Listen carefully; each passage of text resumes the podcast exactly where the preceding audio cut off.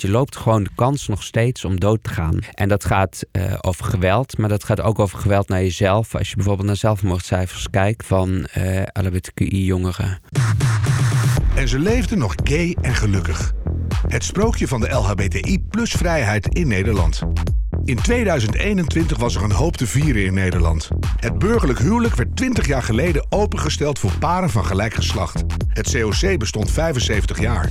En 50 jaar geleden werd wetsartikel 248 bis geschrapt uit het wetboek van strafrecht. Homoseksualiteit was niet langer strafbaar. Maar de strijd om gelijke rechten en veiligheid voor iedereen is nog lang niet gestreden. Hoe is de stand in LHBTI-land? En wat moet er veranderen zodat vrijheid voor iedereen geen sprookje blijft? In deze podcast praat ik met ervaringsdeskundigen over hun leven. Wat ging er goed, wat helemaal niet en wat kan en moet er beter voor de LHBTI-plussers in Nederland. Mohan Verstegen, 42 jaar, arts en militair. Geboren in India, door Nederlandse ouders geadopteerd. Groeide op in Zuid-Limburg, woont in Amsterdam. Zet zich actief in voor LHBTI-zaken op social media. Als je een uh, LHBTI-letter moet kiezen, Mohan, welke is dat? Ik ben heel duidelijk een H, uh, een homoman. Uh, cisgender. Ik, uh, ik ben een man die seks met mannen heeft, die gepijpt wordt door mannen. Uh, die anale seks heeft met mannen. En in dit geval de laatste jaren gewoon alleen met mijn vriend. maar uh, duidelijk een H. Ik vraag naar een hele simpele letter en er komt een heel bewust stukje uit. Ja. Als je een H bent, kan je dan ook uh, een, een, een, een, niet gepijpte H zijn? ik denk dat je prima bijvoorbeeld geen seks kunt hebben als H. Mm -hmm.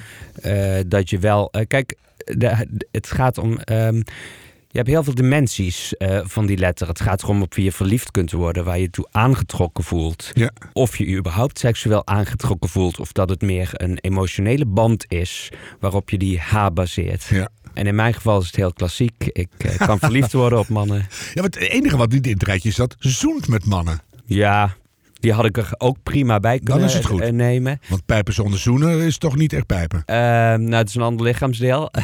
maar um, bij uh, seks komt uh, natuurlijk ook liefde kijken. Ja, vind ik wel fijn. Intimiteit. Mm. Ik, ik las jouw levensgeschiedenis. En toen stond er: zet zich in voor LHBTI-zaken op social media. Ik denk, daar wil ik eens mee beginnen. Maar hoe doe je dat? Reageer je dan op homofobe tweets? Of uh, highlight je de laatste modetrends op Insta? Wat doe je? Nee, um, ten eerste vind ik het heel belangrijk dat de LHBTQI-gemeenschap uh, zichtbaar is. Hmm. En uh, dat doe ik gewoon als mezelf ook. Ik denk ook dat er uh, dat belangrijk is dat de zichtbaarheid van de niet-cisgender, of dat uh, in algemene zin, de niet-cisgender witte man, dat hij al veel zichtbaar, dat hij meer zichtbaar mag zijn in de media. Nou ja, social media heb je zelf in de hand. Mm. En op ieder moment dat mijn gekleurde hoofd ergens zichtbaar is, is dat weer een plus één. Maar de, jouw gekleurde hoofd alleen is niet meteen een, een pre voor de LHBTI-zaak. Nee, dat klopt. Want dan zie je gewoon een, een, gekleurde man en in dit geval ook nog in een uniform. Ja. Nou, dan ben ik alweer in het verkeerde hoekje aan het kijken. Dus... Nou ja, kijk, als mijn, uh, mijn, uh, de mensen die mij volgen of uh, die langs mijn profiel komen, hmm. daar, die weten heel duidelijk dat ik homo ben. Dus in dat opzicht is het wel een plus één, denk ik. Ik probeer wel altijd heel vaak bepaalde thema's aan te snijden. Of onderwerpen of mensen die ik belangrijk vind. Ehm, ik draag bijvoorbeeld probeer altijd bij te dragen met Coming Out Day. Hoe dan bijvoorbeeld?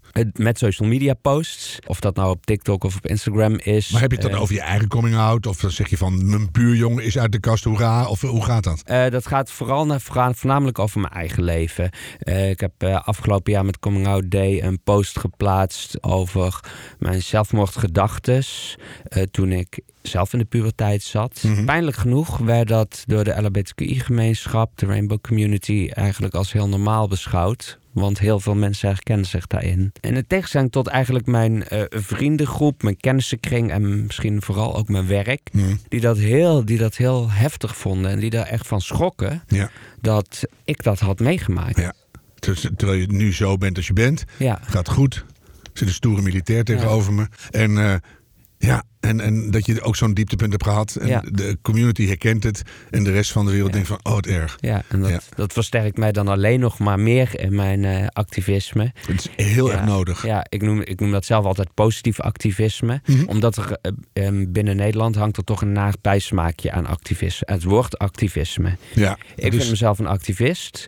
eh, en ik vind er helemaal geen bij, nabijsmaakje aan zitten. Want het betekent gewoon doen waar je in gelooft.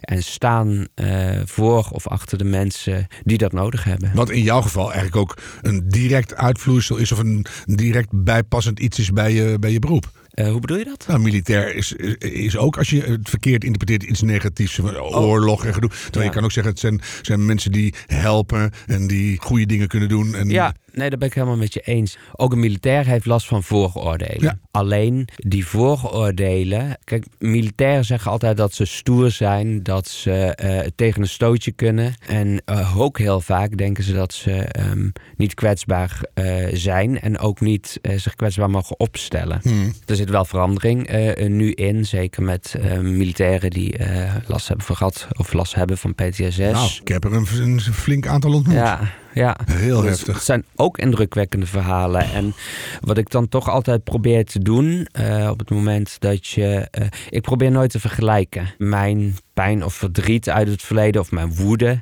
uit het verleden, eh, die probeer ik niet te vergelijken met een militair met PTSS. Nee. Die mogen gewoon naast elkaar bestaan. Van mij. Wat je wel merkt binnen eh, Defensie, dat eh, voor heel veel militairen het wel moeilijker is zich in te leven in eh, een LHBTI-persoon. Ja, dus jouw pijn is ingewikkelder dan PTSS-pijn. Nee, Voor alleen hun. proberen. Voor hun. Voor hun, ja. Ja, Precies. Ja, ja, ja. ja. Hey, eerst even naar die, die bijzondere combinatie van arts en militair. Ja. En dan ook nog openlijk homoseksueel. Dat is wel een bijzondere. Ken je andere voorbeelden in het leger? Ik ken heel veel eh, LHBTI-personen en ik ken ook veel LHBTI-dokters eh, bij Defensie. Mhm. Want jij wees zo heel bewust aan je zichtbaarheid. Ja, Jij bent voor mij ook de eerste die tegenover me zit. En ik, ik ken er niet zoveel. Nou Nee. werk ik ook niet bij het Ja. leger. Maar nee, ze zijn er. We, zijn er. ja, En ik vind ook dat we gezien en gehoord mogen worden. Nou, er is ook een, eh, een, eh, een regenboognetwerk van Defensie, SAK. En dat maakt zich daar ook heel erg hard voor. Mhm. Alleen de, ehm, de zichtbaarheid is wat mij betreft nog niet eh, eh, voldoende. kan meer. Hè? ja, Ja. en wat ik dan vooral bedoel is dat je ook gezien mag worden als persoon. En gewaardeerd worden als En niet dat ze rang en, en versteken Nee. op je pak. Nee, wat ik ook merk is, maar dat zie je ook in Nederland, dat je bij Defensie mag je homo zijn, eh, om het even dicht bij mezelf te houden dan. Ja, ja. Eh, maar het mag allemaal nog niet zo zichtbaar. Je kan niet zoenend op een tank zitten. Nee, Is ook niet handig in oorlogssituaties. Nee maar het, Enfin. heel vaak is het ook geen oorlog. Dus, eh, Was jij al openlijk homoseksueel toen je in het leger ging? Ja. Of moest je daar nog uit de kast? nou, ik moest opnieuw uit de kast, denk Ja, ik. Zo kan je het noemen dan. Want eh, ik was heel erg uit de kast. Ik woonde ook alweer eh langere tijd in Amsterdam. eh, maar ook tijdens mijn studententijd was ik al uit de kast. Mhm. Op het moment dat ik bij Defensie kwam werken, heb ik dat wel een tijdje verborgen in, opzi- in het opzicht van... Ik heb daar niet, eh, niet niks over gezegd. Niet van, eh, hallo, Nee, want ik was, toch een ik was toch bang dat mensen me daarop gingen beoordelen en veroordelen. Nee, dus eigenlijk eerst binnenkomen. Ik ben gewoon Mohan, leuke man. En ik doe mijn werk goed. En pas als dat geland is, dan ga je zeggen, oh, er is nog iets. Ja. En, en werkte dat? Gedeeltelijk was het onnodig bij mij. Mhm. Ehm, daarbij, ik heb namelijk het voordeel dat ik eh, mondig genoeg ben. Dat ik voornamelijk werk met zorgpersoneel binnen Defensie. Die naar mijn mening toch een wat openere houding hebben. Niet die echte houtdegens uit de frontlinie. Nee, en eh, die, eh, het zorgpersoneel werkt ook een- bij, bij Defensie, maar ook in gewone ziekenhuizen in Nederland. Om Mhm. hun deskundigheid bij te houden. Dus dat is toch een wat een tolerantere groep mensen. Ja. Daarnaast. Je moest eh, wel die basisopleiding in eerst, toch? Ja, ja, maar ook dat, die basisopleiding doe je als dokter, doe je ook met andere academisch opgeleide mensen. Aha, die wat Dus met ruimdenkerder zijn juristen, misschien. Met journalisten, met geschiedenisleraren. Oh, die zijn ook goed. Eh, ja, die, oh, dat hebben we allemaal. Die weten waar je langs eh, moet rijden. Ja.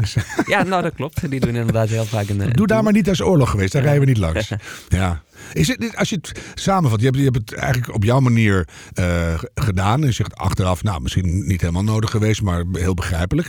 Is, is de militaire omgeving op dit moment in Nederland veilig genoeg om altijd jezelf te kunnen zijn? Nou ben jij nog een duidelijke H-man, maar er zijn natuurlijk heel veel mensen onder die regenboogvlag die misschien wat minder duidelijk aan een letter plakken. Nou ja, dat zeg je heel goed. Veilig genoeg.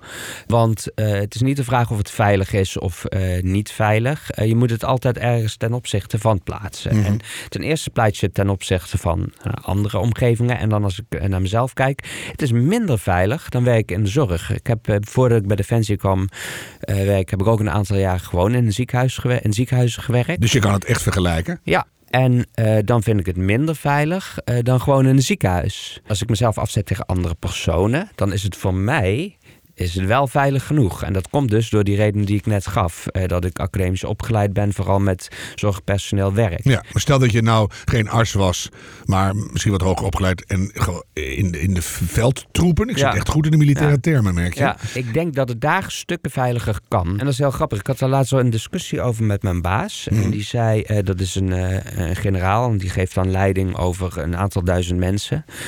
En die zei, nou, voor mijn gevoel is het, hier, is het, uh, is het veilig genoeg. Want uh, de LBTQI-mensen die binnen mijn eenheid werken, nou, die uh, geven dat aan. Dan zou ik, nou, op zich een goed punt. Ja. toen geef ik hem wel terug. Van, dan vind ik het wel interessant dat onder die duizenden mensen die onder jou vallen, ik toch met een stuk of tien via social media contact heb, heb die niet uit de kast durven komen, onder andere door hun werk bij Defensie. Hoe zit dat? Nou, hoe zit dat? nou ja, de, daar, daar was hij wel verbaasd over. Dat heeft bij hem ook wel de, de denkslag gemaakt van... oké, dus niet is, alles is wat het lijkt. Ik, ik leef ook maar in mijn bubbel. Mm -hmm. En dan lijkt alles goed. Hoor je, van, hoor je van excessen in het leger? Want je hoort het over vrouwen in de army wel eens. Dat die soms toch ook heel onprettig bejegend worden. Heteroseksuele vrouwen. Maar, of misschien ook homoseksuele vrouwen, weet ik niet. Maar hoor jij wel dingen, al dan niet via jouw kanalen... of gewoon uh, binnen Defensie... dat er um, toch ook, ook mensen in de knel komen... Los van het feit dat ze niet uit de kast komen, wat ook al erg genoeg is. Ja, ik hoor wel mensen die uh, zich uh, niet veilig genoeg voelen. Uh, en die daardoor of defensie uitgaan of um, wat vaker gebeurt, is dat het ja, op het randje van veilig genoeg is, prettig ja, genoeg, zo, fijn werken. En die gaan dan naar een ander uh, defensieonderdeel. Mm. Ik had het laatst in een clubje mensen in het noorden des lands, en daar ben ik wel eens. Mm. En die riepen toen, dit is onze homo. Haha. Mm. En, en de homo in kwestie stond braaf mee te lachen. Ja. En na een uur was ik het helemaal zat. Ja. zeg ik, ik ga het nu even aan de homo zelf vragen. Heb je ook nog een naam of is het gewoon de homo? En vind je het zelf heel grappig? Of durf je gewoon niet te zeggen van, hé, hey, ik heet Henk. Ja. Weet je, en, dus, je, en dat is wel de sfeer bij Defensie. Hè? Uh, je moet er even tegen kunnen, je homo. moet, je moet tegen, uh, tegen een steuntje kunnen. Je moet uh, op een grapje kunnen lachen. En dat moet misschien ook wel, maar er zit ja. er altijd, het is een glijdende schaal. Hè? Ja, en dat vind ik wel dat je daar... ik voel me daar verantwoordelijk voor om daar dan wat van te zeggen. Ja, nou heb jij ook nog een kleur van, ja. van je Indische roots. Daar heb je vast in je, in je jeugd ook wel eens hier en daar een opmerking over gehad? Want mensen van Ja. kleur, die kleur krijgt toch ook alles naar, Ja. van alles naar hun hoofd? Nou ja, ik ben, in de, ik ben eh, geboren in 79, Ja. eh, heel lang geleden. Man, Maar- toen ging ik studeren. Waar heb je het over? Oh, oh, oh, oh, ja, bent kan altijd erger. Het kan altijd erger. Ja. Dus ik zat op de middelbare school ten tijde van eh, de Centrumdemocraten, de opkomst daarvan. Jan En Maat. Jan Maat. Dat was mijn eerste grap Ja. Dit Was Het Nieuws. Weet je dat nog? Nee? oh, die schiet nu zo in mijn hoofd. Toen zei ik, de vrouw van Jan Maat is ernstig gehandicapt. Daarnaast mist zij een been.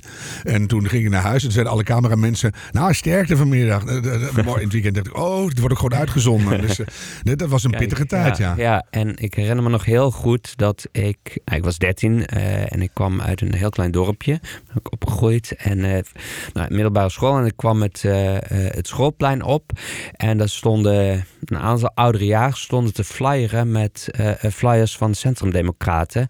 En die duwden me een, een flyer in de handen eh, met de woorden rot op naar je eigen land. Dat heeft heel veel indruk gemaakt op dat moment.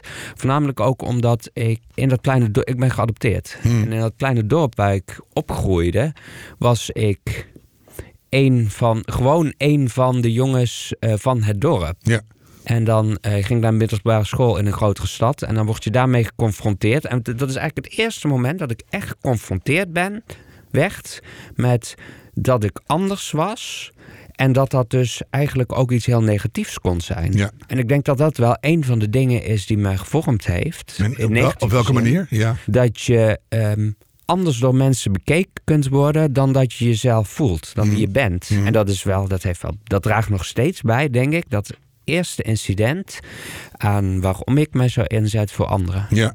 En is dat, is dat eh, het, het ergste incident omdat het de hoogste impact had? Of heb je ook nare fysieke dingen meegemaakt? Of- Ja, het, het incident was voor mij zo heftig omdat het het eerste was. Mhm. En omdat ik toen ook in een heel kwetsbare periode zat. in je puberteit? 13 in mijn Ja. puberteit, dan ben je al niet de meest. Was, ik- nou, ben, was ik niet de meest zeker van mezelf. En toen begon ook ehm, mijn homoseksualiteit ehm, eh, mee te spelen. Had je nog mazzel, konden ze tenminste schelden over je huidskleur. Ja, ja, nou ja, dat, dat maakt het in ieder geval niet makkelijk. Als- Nee. Ik denk ook dat ik mede daardoor eh, sta ik zo echt, echt achter het intersectionaliteitsprincipe. Hmm. Eh, dat je eh, gevormd wordt en gewaardeerd of gediscrimineerd door allerlei factoren. Ja, maar blijven ze daar. Want je, dan Ja. is er zo'n zo'n jochie op zijn schoolplein. Mhm. En die krijgt zo'n flyer. En die denkt dan, oh, by the way, is nog een andere handicap die ik met me Mhm. meesleur.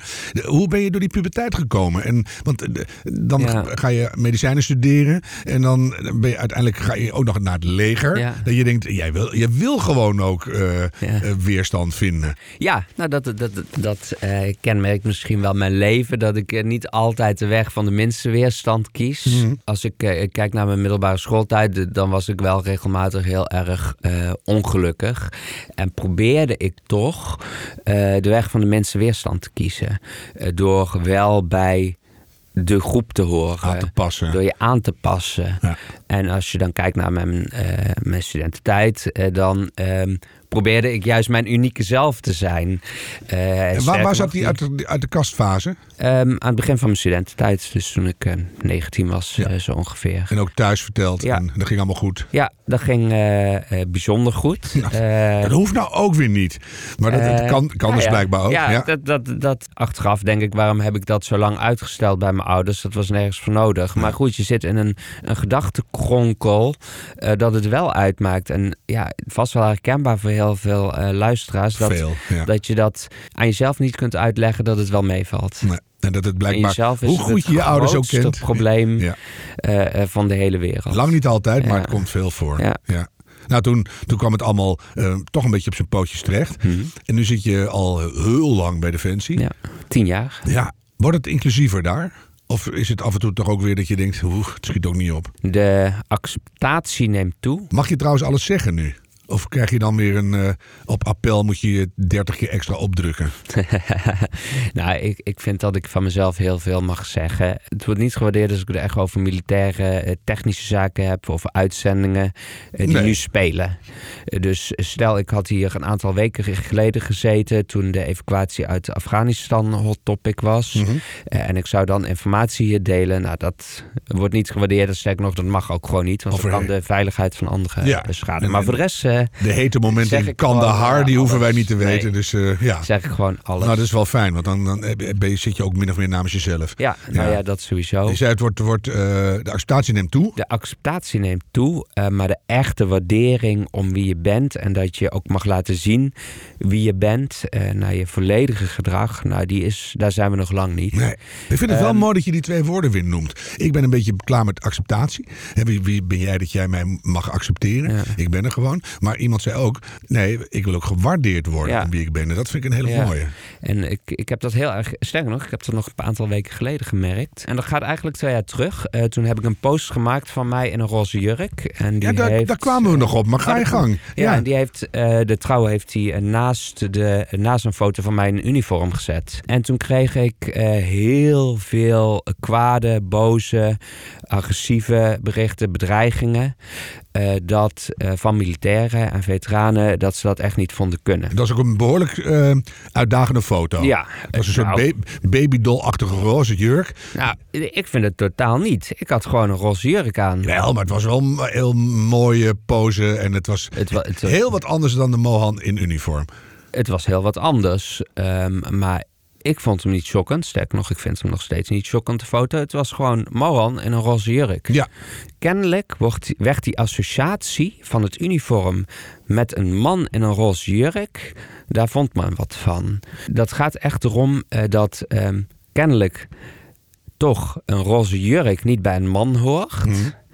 En dat homoseksualiteit en defensie toch nog een hot topic is. Ja. Nou, en dan spoelen we even terug naar een aantal weken geleden. Of even eh, verder Door, naar een ja. aantal weken geleden. En wat ik toen hoorde was dat mijn huidige baas, die was voordat ik eh, bij hem kwam werken, werd gebeld door een collega of zij wel wisten wie hij had aangenomen. Eh, dus een andere militair belt mijn baas. Weten jullie wel dat dat die jongen is met een roze jurk? Kijk je uit. Mijn baas was daar heel relaxed in. Die zei, nou dat maakt me niks uit. Ik beoordeel mensen op eh, wat ze doen, wat voor werk ze opleveren. En iedereen heeft aan het begin vertrouwen. Dus dat, dat was heel fijn. Mhm. Maar dan zie je toch nog eh, dat het dus wel kennelijk uitmaakt voor militairen wat je, wie je bent Ja. en hoe je je gedraagt, ook in je privé-tijd. Ja, en laat staan dat je baas, want die kan ook nog een stap Ja. zetten, zegt nee, ik vind Mohan Ja. eigenlijk interessanter of misschien wel waardevoller, want die kan zich in meer mensen verplaatsen of zo. Of Nou die, ja, die- zo zie ik dat natuurlijk. Maar dan zie je dus dat ik eigenlijk via via bedreigd ben. eh, dat men geprobeerd heeft om mijn carrière onderuit te schoppen. Om wie ik ben. Dus ja, het gebeurt nog. Wat zegt dat over die mannen? Zullen wel mannen zijn, Ja, denk ik. ja dit, was een man. Eh, ik weet trouwens niet wie het is. Nee, maar ook die reacties een- op die foto's. toen. Ja. En het Ehm, soort besmeuring zijn, van het uniform Ja. en al die, al die, die oud-vaderlandse principes. eh, een, een schande voor het uniform. Ik ben dan een schande voor defensie. Terwijl dat gewoon de persoon is wie ik ben in mijn privéleven. Ja. En dat, wat mij betreft, niks zegt over mijn functioneren als militair. Nee. Sterker nog, heel veel dingen die ik doe, vind ik in het belang van defensie. Ja. En je zou andersom kunnen redeneren. Ik ben benieuwd bij al die reaguurders. Wat daarvoor p- privélijken in de kast zitten. Die niet op een foto staan. Hè? Dat, dat durven ze Ja, allemaal niet. ja daar, heb ik, daar, daar heb ik dan weer vrij weinig boodschap aan eigenlijk. Nee, daar heb je ook niks aan. Maar dat schiet dan door mijn hoofd. Ja, nee, oh, precies. ik ben benieuwd Eh, wat er voor foto's bij jullie passen. Maar ja, Ja, nou ja, ik ben daar eh, open en eerlijk in. eh, en Ja. ik, ik gun dat iedereen. En dat gaat niet alleen over de LHBTQI-gemeenschap, maar ik gun iedereen gewoon een open privéleven. eh, wat eh, nou, gezien mag worden. ja. Gaan we daar ooit komen in Nederland? Ja, Oh, dat is lekker voordat kort. ik met pensioen ga. nee, dat meen, ik serieus. maar ik kom vind dat nog steeds... Man, eh, gaan we de goede kant op? Ja, ja, we gaan van de ene kant de goede kant op. Ik heb heel veel vertrouwen in ehm, de nieuwe generatie, is het verkeerde woord. Hè? Het is de generatie die er nu al is, die jonger is dan wij. Ja. Nou, dat is bij mij al vrij veel. Maar Want de nieuwe Eh. generatie, daarmee zeg je eigenlijk welke leeftijd Eh, ongeveer? 12 tot eh, eh, 25. Ja. De Ehm, zetters? Die zijn er, die zijn er al.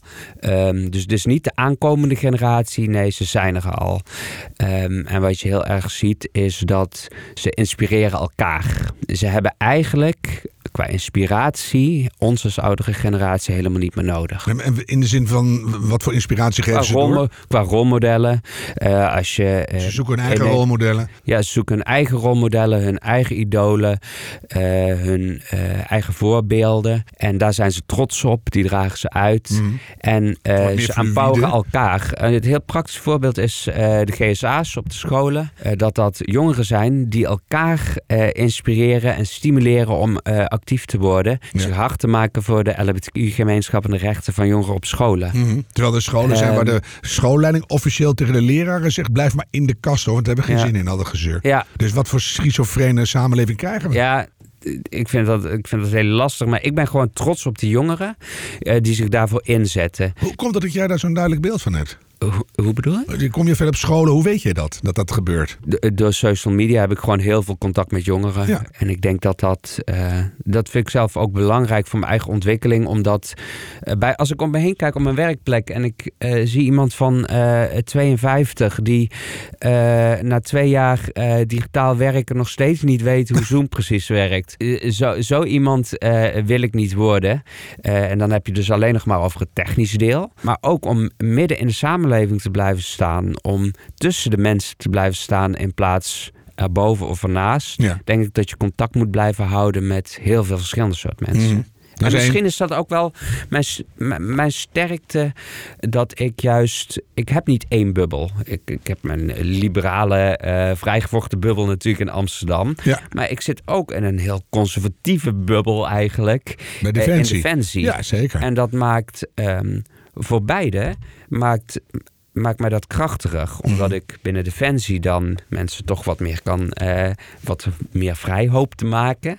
eh, wat een open blik ho- hoop te geven. In het taboeloos Ehm, Amsterdam kan je de boel ja. wat afremmen af en toe. Nee, eh, nee dat, dat niet.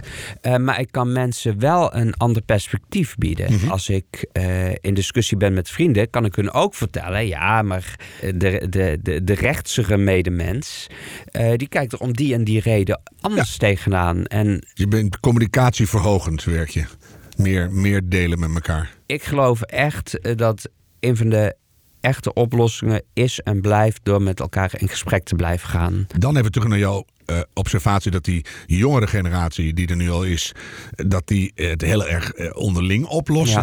Ja. Raken die niet iets van historisch perspectief kwijt? Dat ze weten Ja. ho- hoe lang de weg geweest is. Je hoort Ja. het soms wel eens van oude lesbische Eh, generaties dan boos op jonge vrouwen. Van Ja. "J- jullie weten niet hoe wij gestreden hebben. En is dat belangrijk dat we ook de, mijn generatie, jouw generatie, de oudere generatie meenemen in die hele community?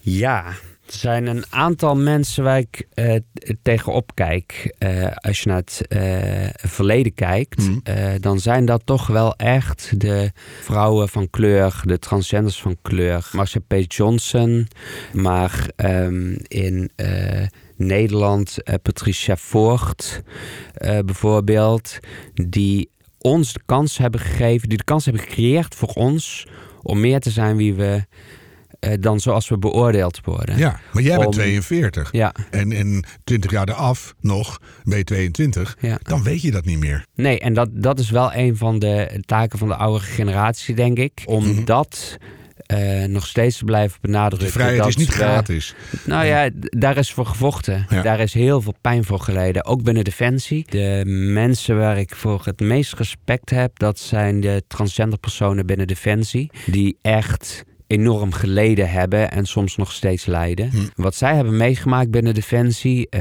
de, eh, de bedreigingen, eh, het verdriet, de pijn, nou, de- daar kan ik echt heel verdrietig van worden. Ja. En nog steeds als ik, Ik zie het aan je. En dat, dat komt ook zo de tafel over. Ja, dat, zijn, dat is ook heel mooi dat je het noemt. En ik denk, we hebben een doorgeïndividualiseerde samenleving. We worden eigenlijk allemaal uit elkaar getikt. Covid helpt ook niet. Heel veel sociale structuren vallen weg. Dan moet je dit soort dingen koesteren. Dat je weet waar je vandaan komt. Anders weet je helemaal niet waar je naartoe gaat. Hè? Ja, nee, en juist die verhalen. ehm, het, is niet eens per se dat er een, een, nut, misschien. Er, er zit zeker een nut en belang aan vast, zoals je dat net schetst. Maar het is ook het eren van mensen eh, die dat verdienen. Die ere toekomt. Ja. ja. Jij zei net, dat zei je heel snel. Ik zei, komt er een vrije samenleving ooit nog eens waar we allemaal op onze plek zijn? Ja, je meteen ja. ja, En eh, voordat ik met pensioen ben, nou, dan Ja. hebben we nog 25 jaar. ja. Zo. Hoe, hoe gaan we daar komen? Is dat eh, door mensen zoals jij die op social media en op- eigenlijk overal in, in, in hun leven laten zien wat er is en, en wat er gebeuren moet? Dat we er zijn en dat we niet meer weggaan en eh, waardeer ons? Of moet dat ook via politiek en onderwijs en eh, nou zeg maar. Ja, eh, eh, politiek is een middel en eh, kost tijd en vraagt om eh, samen dingen te doen. Een van de voorwaarden, denk ik, willen we echt wat bereiken, is dat we ons als Rainbow Community eh, verenigen. Want alle letters gaan weer een beetje uit elkaar soms, hè? Alle letters gaan uit elkaar. Ik ben eh, een L en geen politieke B. ideeën beïnvloeden dat. Ja. En dat is niet erg, want ook politieke ideeën behoren tot inter- inter- intersectioneel principe. Iemand die heel erg rechts stemt en homo is, versus een lesbische die eh, heel links stemt, ook die moeten met elkaar in gesprek blijven. Ja. Ik denk dat het heel belangrijk is dat we het gemeenschappelijke belang als community eh, voorop gaan stellen. En ik vind dat ook een van de taken eh, van het COC voor de komende jaren. Om die eh, unity eh, eh, van ons Hoe meer verschillend we ook zijn. Ja. hoe, welke generatie ook, hoe individueel we ook door het leven willen, maar dat dat een gedeeld Ja. belang is. Of je nou links bent of rechts, of je nou vegan eet of, of Ja, en wild. die- En wat daar dan weer voor moet gebeuren, is dat we binnen de community die discussie durven voeren. Over. Bijvoorbeeld of moslimpersonen eh, ervoor zorgen dat de veiligheid op straat als minder goed ervaren wordt of minder, eh, minder goed is. Mhm. Eh, dat is een heel lastig onderwerp Is dat voor een discussie mensen. of is dat Ja. een gegeven? Het is net een dik rapport uit in Amsterdam. Ja, en wat je daar toch ziet, is dat de discussie niet gevoerd wordt. Want wat moeten we daarmee? Ja, het gaat nu alweer weken over het proces. Over uh, of een wethouder wel of niet in de zomervakantie uh, dat rapport had moeten doorsturen. De gemeenteraad en de media moet ophouden met zichzelf bezighouden. De politici moeten het minder over zichzelf hebben, maar over de inhoud. Ja. En die discussie moeten we voeren. Moet in de politiek gevoerd worden, maar moet gewoon ook in onze community gevoerd Ja. worden. Wat wel mooi is, man, hoor ik zo vaak. Toen werd ik van een man en vrouw. En de eerste die het volledig begreep, was mijn Turkse familie eh, die naast mij woonde. En eh, de eerste die mij hielp, was de Marokkaanse buurman. Mhm. en de- dus er zit ook heel veel liefde in die community. Dus Ja. laten we dat ook benadrukken. Ja. Dat, er- dat er ook heel veel moois uitkomt. Dus Nee, dat, dat zonder weer dingen te- dan weer te verdoezelen. Maar laten we het allemaal benoemen. Van dit is nu gewoon zoals het speelt. Willen we dit of gaan we dat veranderen? Ja, ben ik helemaal met je eens. En eh, het werken vanuit eh, eh, liefde en respect en op die manier het gesprek aan willen gaan, dat is heel belangrijk. Ik zeg wel altijd, en dat is tegenstrijdig tot een aantal jaar geleden, toen ging het over we moeten de overeenkomsten zoeken en daarover in gesprek gaan. Nou ja, dat, ja, maar we moeten ook verschillen durven te benoemen en te bespreken. Ja, Want het is daarover in helemaal gesprek niet erg, Nee. erg als je een andere mening hebt. Nee, die, die overeenkomsten die vinden we wel. Ja. Maar juist die verschillen, die geven, die geven inzicht en verandering. Maar dat, dat Ja. vergt wel moed. eh, nou, dat vergt echt moed en doorzettingsvermogen om dat eh, te kunnen bespreken. Dat heb jij wel. Ja, ik Anders ga je niet in een roze jurk zitten. Ja, ik ga in Ja, een ja, roze ja. jurk Ja, zitten. daar zat jij in. Ja, dat klopt. hey, maak je je wel eens heel erg ongerust? Eh, ja, Waarover? over het geweld eh, dat heel veel dat mensen eh, van onze community nog steeds ervaren en meemaken. Het, het gaat erover dat je de kans loopt om dood te gaan. Hè? Geweld alleen al is een eufemisme, is een verzachting van waar het eigenlijk om gaat. Je loopt gewoon de kans nog steeds om dood te gaan. Of heel erg beschadigd te raken? En dat gaat eh, over geweld, maar dat gaat ook over geweld naar jezelf. Als je bijvoorbeeld naar zelfmoordcijfers kijkt Ja. eh, van eh LHBTQI-jongeren. Dus het gaat niet over geweld, het gaat over de kans om dood te gaan. Hm. En die is gewoon groter. Ja. Het is wel een heel serieus einde van een gesprek. Ja. Maar ik denk ook wel een heel goed einde. Nou ja, ehm, nee, dan la- laten we toch eh, eh, dan positief eh, afsluiten, denk ik. Eh, want ehm, life ain't no fairy tale altijd. Maar ehm, laten we gewoon met z'n allen, als community, ons eigen sprookje eh, bouwen. En dan eh, leven we nog eh, lang en gelukkig. Ja, we verdomme recht op een sprookje. Yes. Dankjewel. Ben ik iets vergeten? Ben iets vergeten? Ja, misschien wil je nog iets kan toevoegen. nog, kan nog uren Ik doorpraten. merk het, maar iets, iets heel wezenlijks. nee, ehm, laten we het samen doen. Alleen kan je niks. Dankjewel, man. Precies. En ze leefde nog gay en gelukkig. Het sprookje van de LHBTI plus vrijheid in Nederland is een podcast van Harm Edens en Merel van der Merendonk. Techniek, montage en adviezen Jacob de Vries. Sounddesign en audio nabewerking Hens Zimmerman. Met dank aan Harm Wesselink en Maarten Westerveen. Wil je niets missen van onze podcast? Abonneer je dan. Vind je gay en gelukkig de moeite waard? Schrijf dan een recensie of geef ons meteen 5 sterren. Dan kunnen anderen deze podcast beter vinden. Dankjewel.